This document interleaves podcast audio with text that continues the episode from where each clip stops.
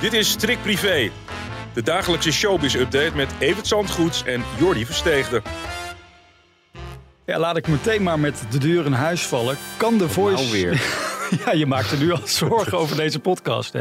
Nee, maar even serieus. Kan de Voice of Holland blijven bestaan na het onderzoek van gisteren? Nou ja, het is een triple-A-merk. Het is een prachtig programma, wereldwijd verkocht. En alleen in Nederland is het, is het fout gegaan. En niet als een olievlek van, oh, er is ook wat in Duitsland, er is wat in Frankrijk, er is overal wat mis met de voice. Dat helemaal niet. Dat is vooropgesteld. Mhm. Dus ik denk als je de rotte appels uit de, uit, de, uit de mand gehaald hebt en alle procedures zijn gevoerd en de rechtszaken zijn achter de rug, dan zou je met een frisse start kunnen beginnen. En dan nog noem je het een New Voice of Holland of weet ik veel. Of gewoon grote zuivering heeft er plaatsgevonden. Dan moet dat programma gewoon weer terug kunnen keren. En ik denk Ja. dat Nederland er ook wel weer voor gaat zitten.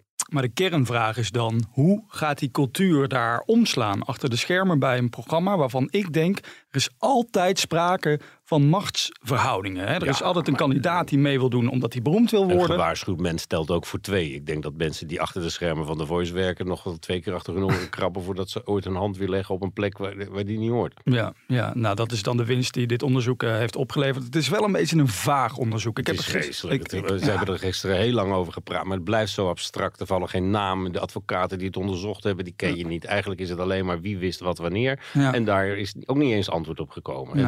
als de, de, Britse tak, het hoofdkantoor van ITV, zich dan ook nog eens mee gaat bemoeien en zeggen van ja, waren wij ingelicht op tijd, dan was het anders afgelopen.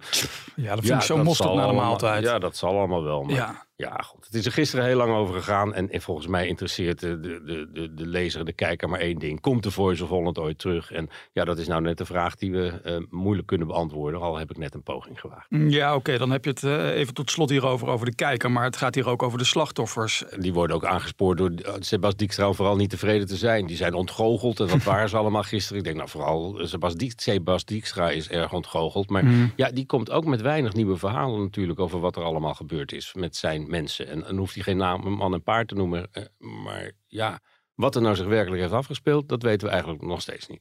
Oké, RTL heeft inmiddels gereageerd, hè, uitgebreid. Die gaan in gesprek met ITV. Eh, Talpa moet nog reageren, dat gaan ze nog doen. Verwacht jij dat John de Mol nog ergens gaat zitten deze dagen bij een, bij een talkshow... om nog één keer zijn excuses aan te bieden? Dat denk ik niet. En eh, dat heeft hij toen gedaan. Hij heeft toen adequaat gereageerd, vind ik. En eh, dat heeft hem eh, een, een advertentie opgeleverd... waarvan de achtergronden ook nog steeds niet duidelijk zijn. Want dat is natuurlijk een advertentie geweest in, in het Algemeen Dagblad... die nooit betaald is. Ook al zeggen ze van wel. Dat gesprek destijds heeft hij heel goed gedaan. Alleen in de laatste minuten, toen het eigenlijk al voorbij was... toen heeft hij even iets gezegd van... ja, die, die mensen hadden ook moeten klagen. Of die hadden, en, en, en dat is hem later heel zwaar aangerekend. Maar wat hij nou precies geweten heeft... ja, dat is uit dit onderzoek ook niet duidelijk geworden. Over eh, grensoverschrijdend gesproken. Gisteravond Bo in de uitzending zat eh Aisha Margadi, hè, die natuurlijk uitgebreid aan het woord kwam in dat Volkskrant-onderzoek. Ze Ja. was daar ja, best wel emotioneel. Wat vond je ervan dat zij na dat hele verhaal in de Volkskrant ook bij Bo ging zitten? Nou, ze voegde er weinig aan toe, hè? dat hele verhaal van Ja. dat ze hem als, als groot voorbeeld zag en als mentor had willen hebben. Ja, dat had ze in die krant ook al verteld. Dus dat had ze volgens mij mm, niet nog een keer op tv hoeven doen. Ja, ze was met name boos over de interviews van Jack van Gelder bij half acht en Tom Ergbers natuurlijk. Ze zegt van ja, zij moeten de hand echt in eigen boezem gaan steken. En zo haalde ze uit. Jullie zijn samen met mij eigenlijk alleen maar pionnen in een heel groot giftig eh, klimaat dat in stand wordt gehouden door de mensen waar hij het nu over heeft. Namelijk als de hoofdredactie eerder had ingegrepen, dan hadden we dit niet eh, allemaal hoeven meemaken. Dan denk ik, luister vriend, als jij je had gedragen, hadden we dit allemaal niet mee hoeven maken. Want nu legt hij het weer neer bij de hoofdredactie. Ja, dit ging over Jack van Gelder met name dan. Wat ik zo opvallend hieraan vind, het feit dat zij dus bij Bo zit, dat zegt mij ook dat de NOS zich blijkbaar nog niet over haar heeft ontfermd na dat hele Volkskrant verhaal. Want anders ga je daar niet zitten. Volgens mij is er niks echt gaande nu achter de Nee, schermen. maar Wat- wie dat had moeten doen is die hoofdredactie. En die is Ja, nou net teruggetreden. ja, ja, oké, maar goed, Die, die, ja. die doen dat ook even niet meer. Hm.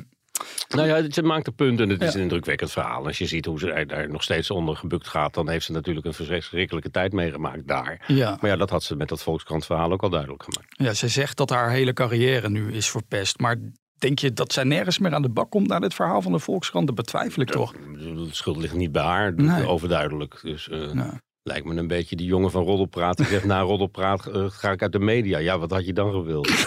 Derde Schouten heb Ja. jij het over. Zullen we het over iets luchtigs, over iets vrolijks, over iets unieks gaan hebben? Want Zo. Dries Roelvink die gaat toch iets leuks doen. Onze vriend Dries, ja, Ja. die staat gewoon in het concertgebouw. En dat is eh, bijna 30 jaar nadat hij daar voor het eerst stond. En iedereen dacht, huh? Dries Roelvink, concertgebouw. En toen heeft hij alle 2000 stoelen in die tijd bijna eigenhandig één voor één verkocht. En eh, ja, dat zal nu wel anders gaan. Want de kaartverkoop begint zaterdag. En volgens mij is dat zaterdag gewoon uitverkocht. Want alle Amsterdammers hebben zin in een feestje. En dat repertoire in dat prachtige gebouw, dat is gewoon een unieke avond. En ja, Dries is er helemaal klaar voor. Dries zegt ook, ik word volgend jaar 65, maar ik ben op het toppunt van mijn roem. Hij, alles is, hij is de meest geboekte artiest van Nederland, hè? mind you. Ja. Het, is, het is onvoorstelbaar. Hij gaat elke week wel in een vliegtuig naar, naar sneeuw of zomers naar Spanje. Ja. En eh, in het weekend staat hij vier, vijf keer eh, ik, kom er, ik, kom op, ik kom eraan te zingen. En eh, hij heeft ontzettend een gunfactor. Ja. En hoe die, dat heeft hij zelf voor elkaar gebokst, want het is een aardige kerel. En ik denk dat ik er ook wel bij ben 6 november. Nou, ik, ook, ik ook. Bij ons in Amsterdam. Nou, Dan moet je wel opschieten zaterdagochtend. laten we er een eh, personeelsuitje van maken. Gewoon gezellig met deze dat- Ik podcast. denk niet dat er plek is. Ach, Dries denkt wel aan ons. Ja, wat ik mooi vind. Ik volg hem op Instagram en zijn leven bestaat gewoon uit wijn drinken, optreden en sporten. En, andersom. Ja, Dat is ja, en dan begint het weer van voren af aan. Dan komt hij er weer aan. Ja. Wat ik wel opvallend vind nog even over dat interview vandaag... is dat hij zegt dat hij ja, een soort van geweigerd wordt door Carré. Terwijl Ja. hij daar heel graag wil staan. Ja, vier, vijf jaar geleden was dat. Toen wilde hij hij staat aan rond zijn 60ste verjaardag. Toen was de naam Roelvink even in opspraak door het gedrag van Dave.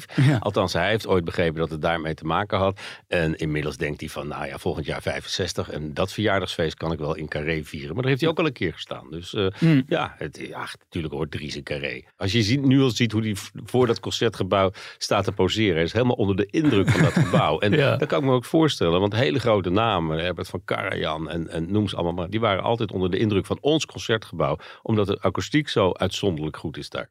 Dries Rolvink, we zijn hartstikke trots op hem.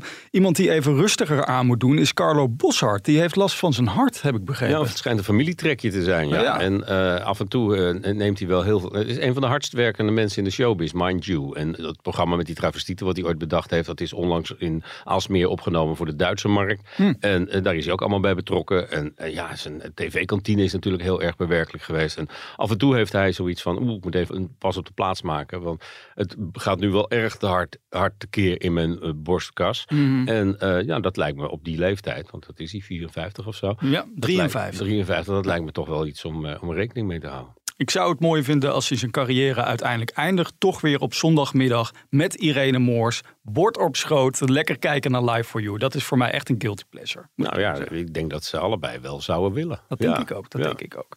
Morgen, dan is het eh, vrijdag. En Ja. dan gaan we natuurlijk weer vragen stellen. Tenminste, jij mag dat thuis doen. Dus eh, stuur ze in via podcast.telegraaf.nl. Heb je nog voorkeuren waar de vragen over mogen Nee, gaan? het mag overal over gaan, hebben we altijd gezegd. Hè? Dus, eh, nou, hey, Nou, schroom niet en mailen dus. Tot morgen. tot morgen.